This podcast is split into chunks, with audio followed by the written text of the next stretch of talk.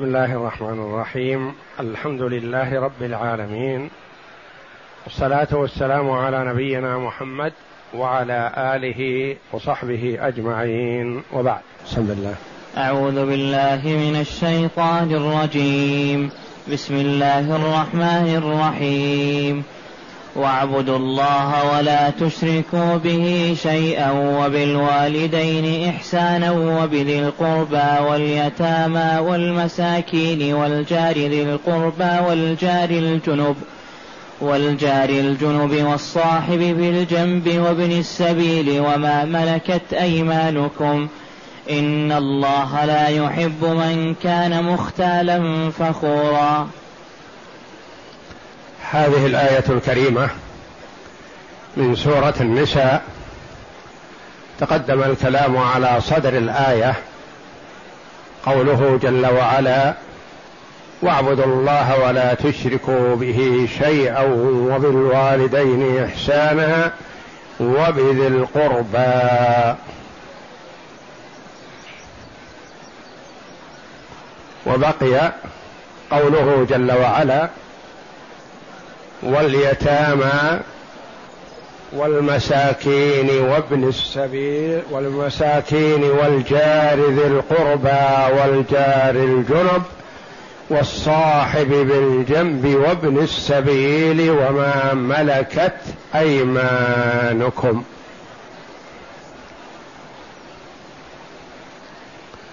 بين جل وعلا في هذه الآية الكريمة الحقوق.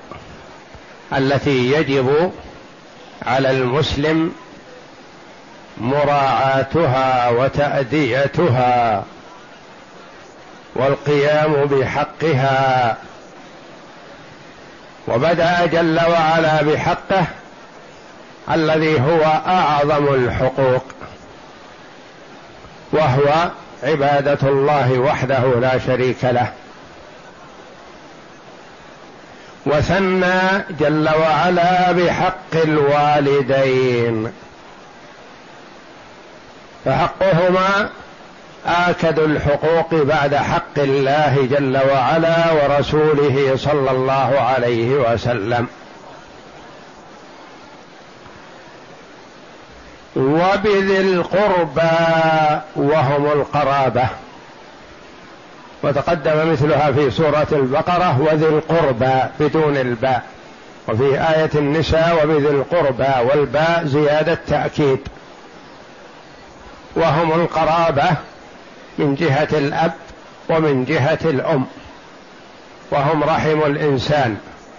وهم متفاوتون في الحقوق حسب حال كل واحد منهم كما أنهم بحسب القرابة كلما كان أقرب كان حقه آكد. واليتامى والمساكين. اليتامى من بني آدم اليتيم من بني آدم هو من فقد أباه وهو دون الحلم. واليتيم من البهائم من فقد أمة فلا يقال لابن آدم إذا ماتت أمه يتيم ما دام أبوه موجود.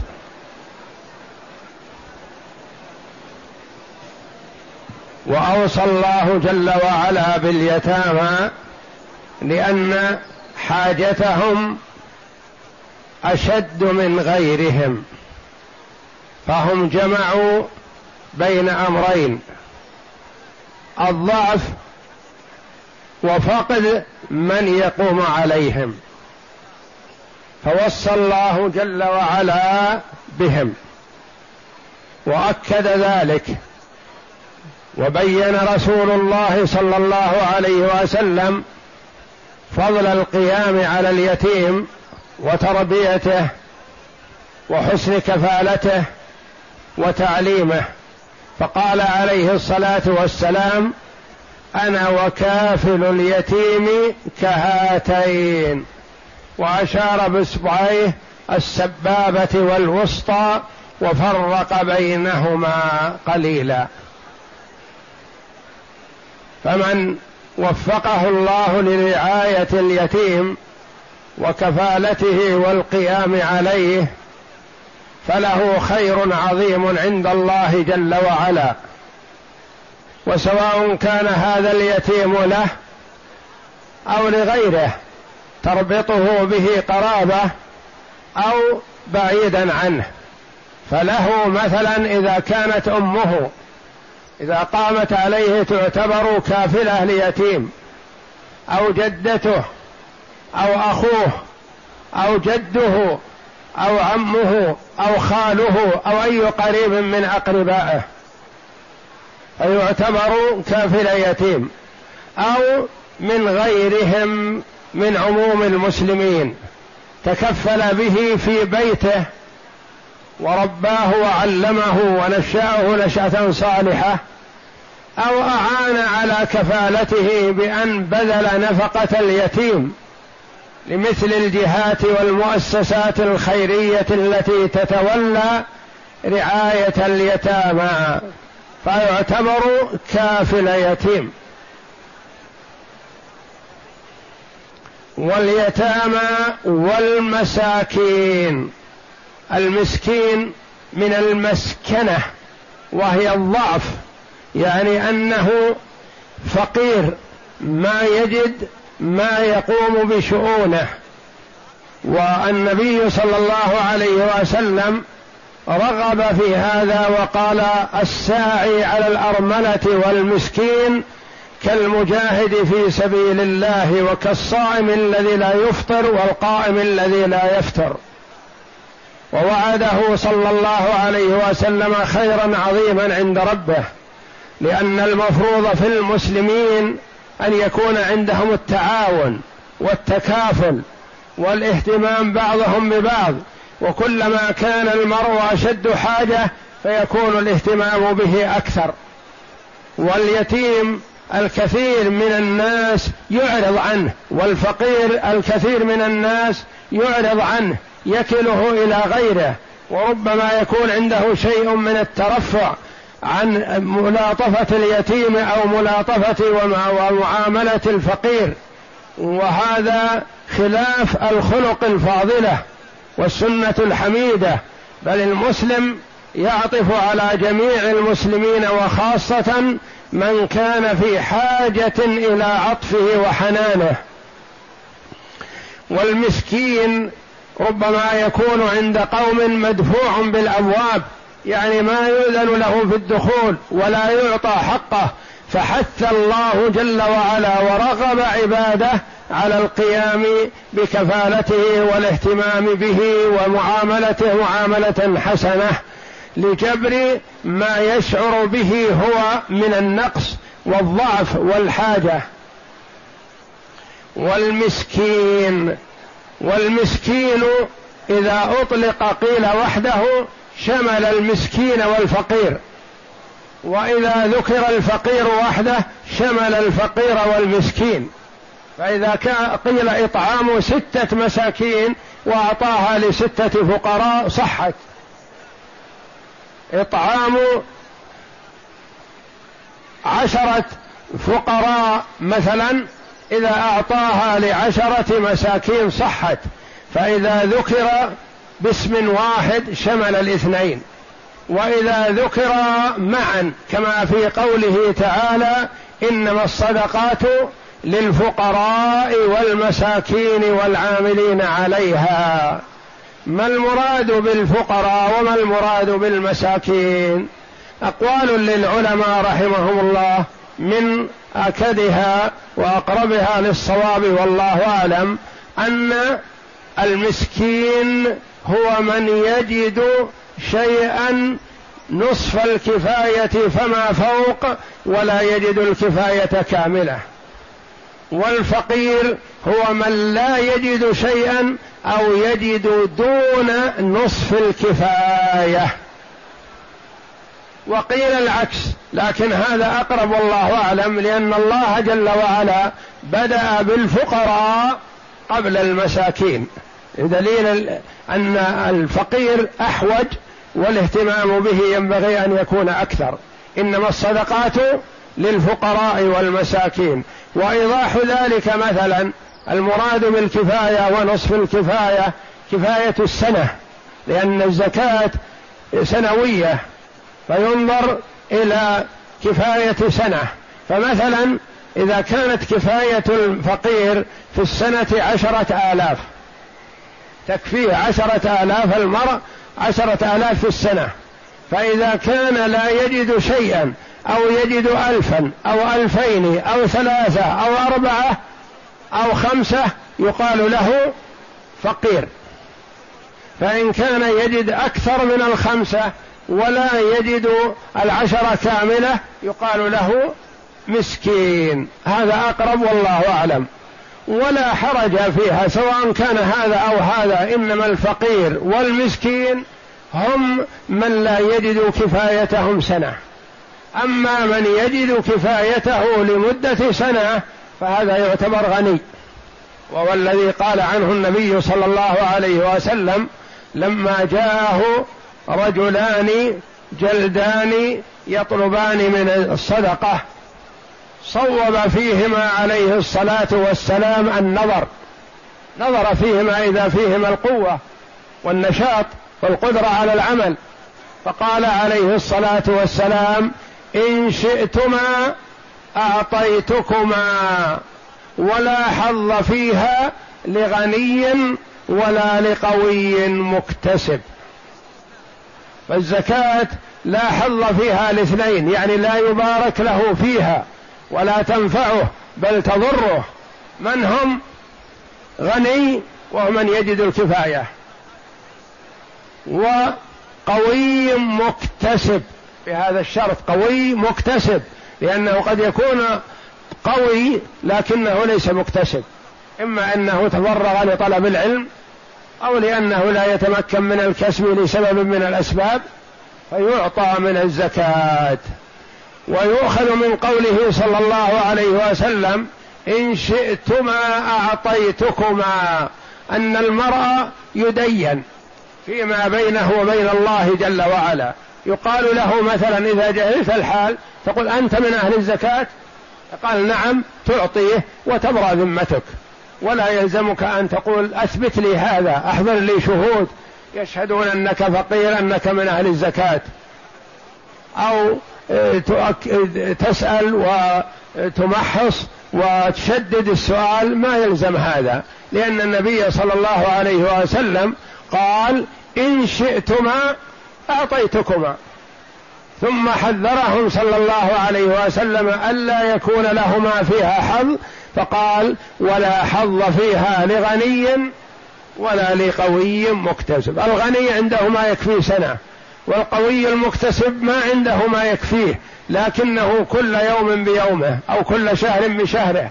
يأتيه كسب يأتيه دخل يومي أو شهري أو أسبوعي يكفيه. فمثل هذا يتكل على ما يأتيه ولا يأخذ من الزكاة. والزكاة جعلها الله جل وعلا لثمانية الأصناف ويجوز للمسلم أن يصرفها لصنف واحد. يجوز له أن يصرفها للفقراء أو يصرفها للمساكين أو يصرفها في الرقاب أو يصرفها في الغارمين. ونحو ذلك من أصناف أهل الزكاة الذين بينهم الله جل وعلا في قوله تعالى إنما الصدقات للفقراء والمساكين والعاملين عليها الآية من سورة المائدة. واليتامى والمساكين والجار ذي القربى. الجار الجار القريب منك في السكن أو الجار ذي القربى القريب منك في النسب. الجار ذي القربى والجار هو المجاور وهو من يكون بينك وبينه جوار يعني قرب. في الدار ولا يلزم أن يكون ملاصق.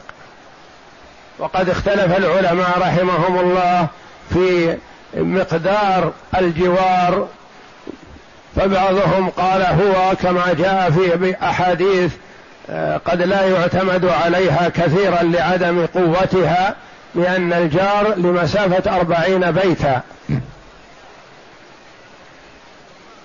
والله جل وعلا سمى المساكن في البلد جار في قوله تعالى لئن لم ينته المنافقون والذين في قلوبهم مرض والمرجفون في المدينة لنغرينك بهم ثم لا يجاورونك فيها إلا قليلا. فسمى المساكن في البلد جار والنبي صلى الله عليه وسلم يقول ما زال جبريل يوصيني بالجار حتى ظننت أنه سيورثه. ومر أحد الأنصار رضي الله عنهم بالنبي صلى الله عليه وسلم وهو واقف مع شخص وطال الوقوف حتى إن الانصاري رضي الله عنه أشفق على النبي صلى الله عليه وسلم من طول وقوفه مع هذا الشخص. فلما ذهب هذا الشخص قال الرجل الأنصاري يا رسول الله قد أطال معك هذا القيام. قال ورأيته؟ قال نعم. قال وتدري من هو؟ قال لا. قال ذاك جبريل. ما زال يوصيني بالجار حتى ظننت أنه سيورثه. ولو سلمت عليه لرد عليك السلام. فجبريل بأمر الله تبارك وتعالى يوصي محمدا صلى الله عليه وسلم بالجار ليوصي الرسول صلى الله عليه وسلم أمته بذلك. والجار ذي القربى ذي ذي القربى يعني صاحب القربى يحتمل ويصح أن يكون المراد الجار القريب بخلاف الجار البعيد. ويؤكد هذا ما قالته عائشة رضي الله عنها لما سألت النبي صلى الله عليه وسلم إن لي جارين فإلى أيهما أهدي؟ قال إلى أقربهما منك بابا. كل ما كان أقرب فهو أحوج وهو أولى بالصلة من أجل أنه يشعر بما عند الإنسان. إذا طبخ طبيخا له رائحة يشمه ويحس به الجار القريب فتطلع نفسه إلى أن يطعم منه ويذاق. كما قال النبي صلى الله عليه وسلم لأبي هريرة رضي الله عنه إذا طبخت مرقة فأكثر ماءها ماءها وتعاهد جيرانك. يعني زد في الماء واعط هذا قليل وهذا قليل وتعاهدهم. فكلما كان الجار أقرب فهو أولى بالصلة. والجار ذي القربى. وقيل المراد بالجار ذي القربى الجار القريب منك في النسب. أخوك ابن عمك قريبك. وقد بين النبي صلى الله عليه وسلم في أحاديث أخر أن الجيران ثلاثة. جار له ثلاثة حقوق وجار له حقان وجار له حق واحد. فالذي له ثلاثة حقوق هو الجار المسلم القريب منك في النسب. له حق الجوار وله حق الإسلام وله حق القرابة في النسب. والجار الذي له حقان هو الجار المسلم الذي ليس بقريب لك في النسب. له حق الجوار وله حق الإسلام. والجار الذي له حق واحد هو الجار الكافر. الذمي يهودي أو نصراني له حق الجوار. وإن لم يكن مسلم ولا بينك وبينه قرابة. وكان الصحابة رضي الله عنهم يوصون بجيرانهم وإن كانوا من اليهود أو النصارى. والجار ذي القربى والجار الجنب. الجار الجنب. الجار الجنب على القول الأول أن الجار ذي القربى ذي النسب الجار الجنب الجار الذي ليس بينك وبينه نسب. وعلى القول الثاني الجار القريب أن المراد الجار البعيد عنك الذي بينك وبينه عدد من البيوت. وقيل الجار الجنب الجار الأجنبي البعيد. والجار الذي ليس من أهل البلد وإنما هو أجنبي أو غير مسلم.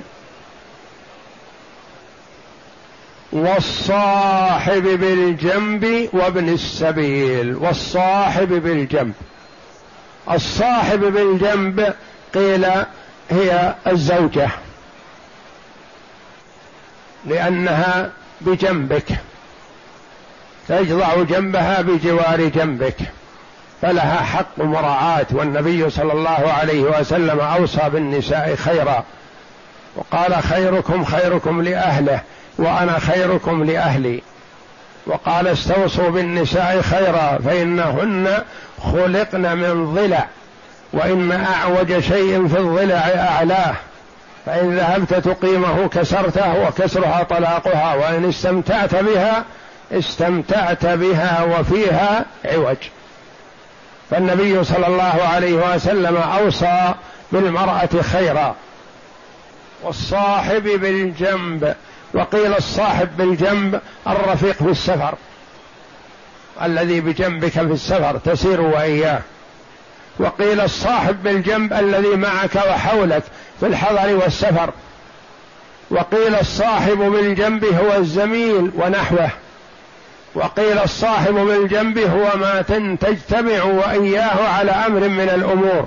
تجارة عمل تعلم تعليم. وقيل الصاحب بالجنب هو من يلزمك طلبا لرفدك. يعني يقرب منك وحولك دائما وابدا يريد منك. يتقرب منك يريد منك فهذا الصاحب بالجنب وصى الله جل وعلا به خيرا. ولا منافاة بين هذه الأقوال فهي والله أعلم يشمل كل من كان بينك وبينه علاقة أو معاملة أو زمالة أو اجتماع في عمل ونحو ذلك. والزوجة لها حق والرفيق في السفر له حق والرفيق في الحضر له حق. ومن يلازمك طلبا لرفدك ومعاونتك له حق. ومن بينك وبينه زمالة في طلب العلم أو أنت تتعلم منه أو هو يتعلم منك أو غيرهم كل هؤلاء لهم حق وصى الله جل وعلا بهم ويصدق عليهم الصاحب بالجنب. وابن السبيل. وكلها مجرورة. لأن الله جل وعلا قال وبالوالدين إحسانا بالوالدين. وبذي القربى واليتامى والمساكين وابن السبيل. والجار ذي القربى والجار الجنوب والصاحب بالجنب وابن السبيل. ابن السبيل السبيل المراد به الطريق. وابن السبيل نسب إلى السبيل على أساس أنه آه، ملازم للطريق يعني أنه ماشي أنه مسافر أنه ما له مأوى في البلد يأوي إليه فكأنه مأواه الطريق وما واستقراره في الطريق وسيره عليه. وابن السبيل وابن السبيل جعل الله جل وعلا له نصيبا من الزكاة وإن كان غنيا في بلده إذا كان منقطعا به. يعني حتى وإن كان غني في بلده إذا كان ما يستطيع أن يصل إلى ماله في بلده فيعطى من الزكاة وإن كان غني. وهذا ربما يكون في في الزمن السابق. وأما اليوم وتواصل المواصلات وسهولة وسائل النقل والاتصال ونحو ذلك فالغني ببلده ممكن أن يستفيد من غناه في أي مكان كان فلا يعطى من الزكاة إذا كان يقدر أن يستغني بماله. وابن السبيل يعطى ويرفق به لأنه ليس له قرابة يأوي إليهم ولا أحد يسأل عنه أو يهتم له فأمر الله جل وعلا عموم المسلمين بتفقد حاله والاهتمام به والوصية به خيرا. وما ملكت أيمانكم؟ يعني ما ملكتموه ما هو ملك لكم؟ وهذا يصدق على الرقيق. المملوك الذي تستطيع أن تبيعه وتشتريه وهكذا فهو ملك يمين يسمى. وملك اليمين الذي هو الرق هو سببه الكفر. وهو صنف من أصناف الأرقة فأصل الرق سببه الكفر. ما يصير المرء رقيقا إلا لكونه كافر واستولى عليه المسلمون. أو أن أباه أو أن جده أو أن جد جده أو أن له أب كافر في الأول وهذا من نسله. فهذا هو الرق الشرعي فهو بسبب الكفر. ثم إن الله جل وعلا جعل وسائل كثيرة لتحرير هذا الرقيق إذا أسلم وعلم منه الاستقامة وقدرته على القيام بشؤونه. فحث على الرق وتطوعا وجعل كثيرا من الكفارات في عتق رقبة. قتل الخطأ عتق رقبة كفارته. الوطء في نهار رمضان لمن كان يجب عليه الصيام أول الكفارات عتق رقبة.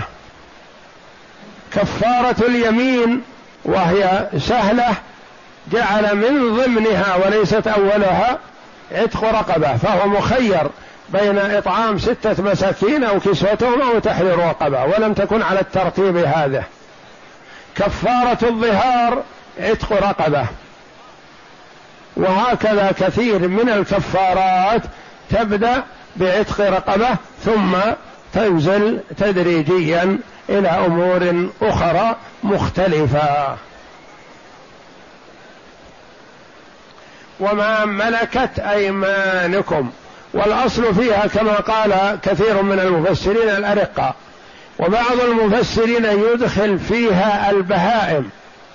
يقول إنها مما ملكت اليمين. وكل ما له نفس فله حرمة. ولا يجاع ولا يقصر عليه في النفقة. فينبغي للإنسان بل يجب عليه أن يطعم بهائمة ويحرم عليه أن يمنع بهائمه من الطعام الذي هي في حاجة إليه.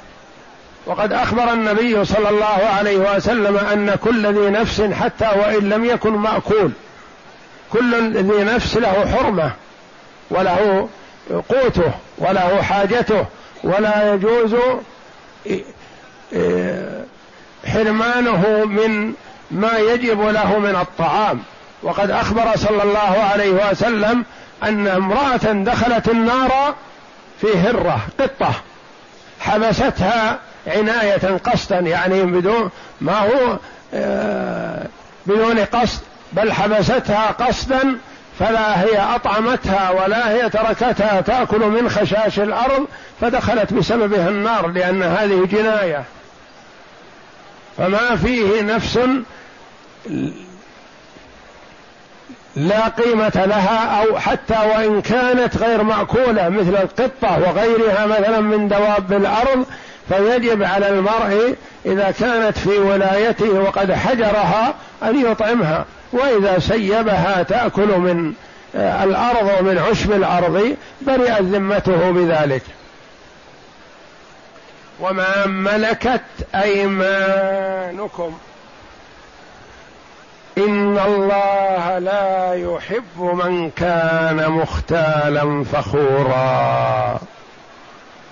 هذا تعليل لمفهوم من سياق الآية.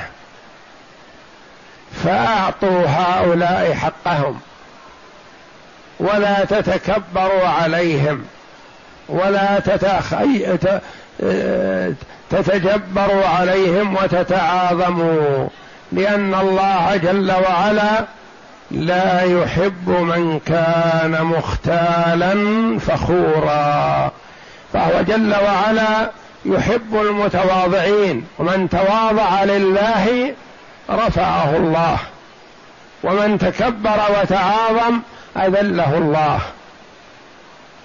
والله جل وعلا يحب ولا يحب. يحب التوابين ويحب المتطهرين ويحب المتقين ولا يحب الظالمين ولا يحب المتكبرين. وإثبات صفة المحبة لله جل وعلا ثابت في الكتاب العزيز كما في هذه الآية الكريمة والسنة الصحيحة عن النبي صلى الله عليه وسلم. ولا يخطر ببالك أخي أن محبة الله جل وعلا مثل محبة المخلوق. وصفات الباري جل وعلا تليق به وصفات المخلوق على قدره. ويجوز أن يوصف المخلوق بشيء من صفات الخالق تبارك وتعالى مع الفارق. فيقال مثلا الله جل وعلا هو العزيز وقالت امرأة العزيز عزيز مصر اجعلني على خزائن الأرض إني حفيظ عليم والله جل وعلا حفيظ وهو عليم جل وعلا لكن حفظ حفظ الله وعلمه جل وعلا لا يقارن ولا يشابه حفظ يوسف على نبينا وعليه أفضل الصلاة والسلام ولا علم يوسف فيوسف يعلم ما وصل إليه علمه. والله جل وعلا أحاط بكل شيء علما سبحانه. فيجوز أن يوصف المخلوق بصفة من صفات الباري في اللفظ لكن نعرف أنها تختلف كثيرا في المعنى. إن الله لا يحب من كان مختال. المختال هو المتكبر الذي أصابته على خيلاء وتعاظم. وفخور يفخر على الناس بما أعطاه الله جل وعلا من الصفات.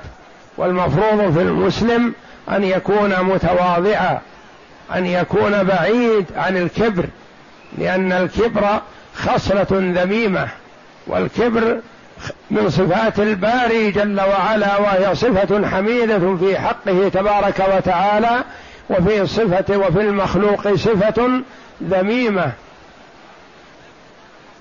ويجب على المسلم أن يبتعد عن هذه الصفة التي يبغضها الله جل وعلا ولا يحبها أقرأ.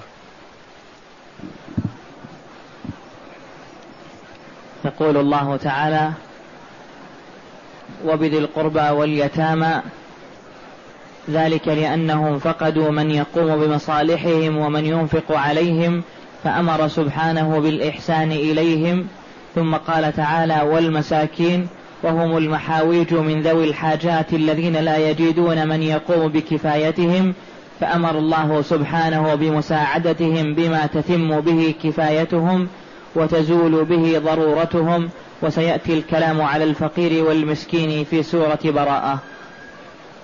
وقوله تعالى والجار ذي القربى والجار الجنب قال ابن عباس رضي الله عنهما والجار ذي القربى يعني الذي بينك وبينه قرابة والجار الجنب الذي ليس بينك وبينه قرابة. وكذا روي عن عكرمة ومجاهد. وقال نوف البكالي في قوله والجار ذي القربى يعني الجار المسلم والجار الجنب يعني اليهودي والنصراني. رواه ابن جرير وابن أبي حاتم. وقال مجاهد أيضا في قوله والجار الجنب يعني الرفيق في السفر. وقد وردت الأحاديث بالوصايا بالجار فلنذكر منها ما تيسر.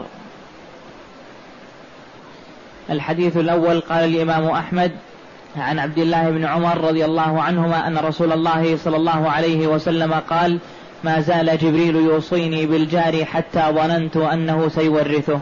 أخرجاه في الصحيحين.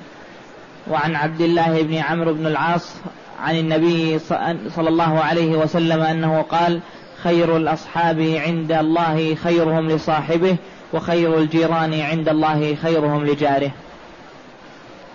وقال الإمام أحمد عن المقداد بن الأسود قال قال رسول الله صلى الله عليه وسلم لأصحابه ما تقولون في الزنا؟ قالوا حرام حرمه الله ورسوله وهو حرام إلى يوم القيامة. فقال رسول الله صلى الله عليه وسلم لأن يزني الزاني لأن يزني الرجل بعشرة بعشر نسوة أيسر عليه من أن يزني بحليلة جاره. قال ما تقولون في السرقة؟ قالوا حرمها الله ورسوله فهي حرام إلى يوم القيامة. قال لأن يسرق الرجل من عشرة أبيات أيسر عليه من أن يسرق من جاره. ذلك لعظم حق الجار. نعم.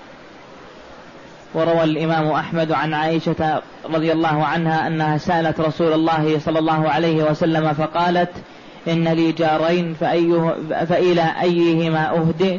قال إلى أقربهما منك بابا. رواه البخاري من حديث شعبة به. وقوله تعالى والصاحب بالجنب عن علي وابن مسعود رضي الله عنهما قال هي المرأة وقال ابن عباس ومجاهد ومجاهد هو الرفيق في السفر وقال سعيد بن جبير هو الرفيق الصالح. وأما ابن السبيل فعن ابن عباس وجماعة هو الضيف وقال مجاهد والضحاك ومقاتل هو الذي يمر عليك مجتازا في السفر وهو أظهر وإن كان مرادا وإن كان مراد القائل بالضيف المار في الطريق فهما سواء وسيأتي الكلام على أبناء السبيل في سورة براءة. وقوله تعالى وما ملكت أيمانكم وصية بالأرقاء لأن الرقيق ضعيف الحيلة أيسر أسير في أيدي الناس فلهذا ثبت أن رسول الله صلى الله عليه وسلم جعل يوصي أمته في مرض الموت يقول الصلاة الصلاة وما ملكت أيمانكم فجعل حال مرضه وشدة المرض عليه الصلاة والسلام في آخر يوم هو في الدنيا عليه الصلاة والسلام كان يوصي بالصلاة وما ملكت أيمانكم الأرقة والمماليك.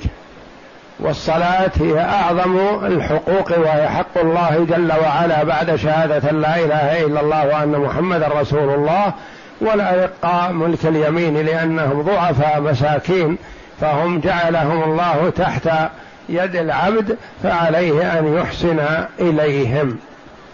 فلهذا ثبت أن رسول الله صلى الله عليه وسلم جعل يوصي أمته في مرض موته ويقول الصلاة الصلاة وما ملكت أيمانكم فجعل يرددها حتى ما يفيض بها لسانه.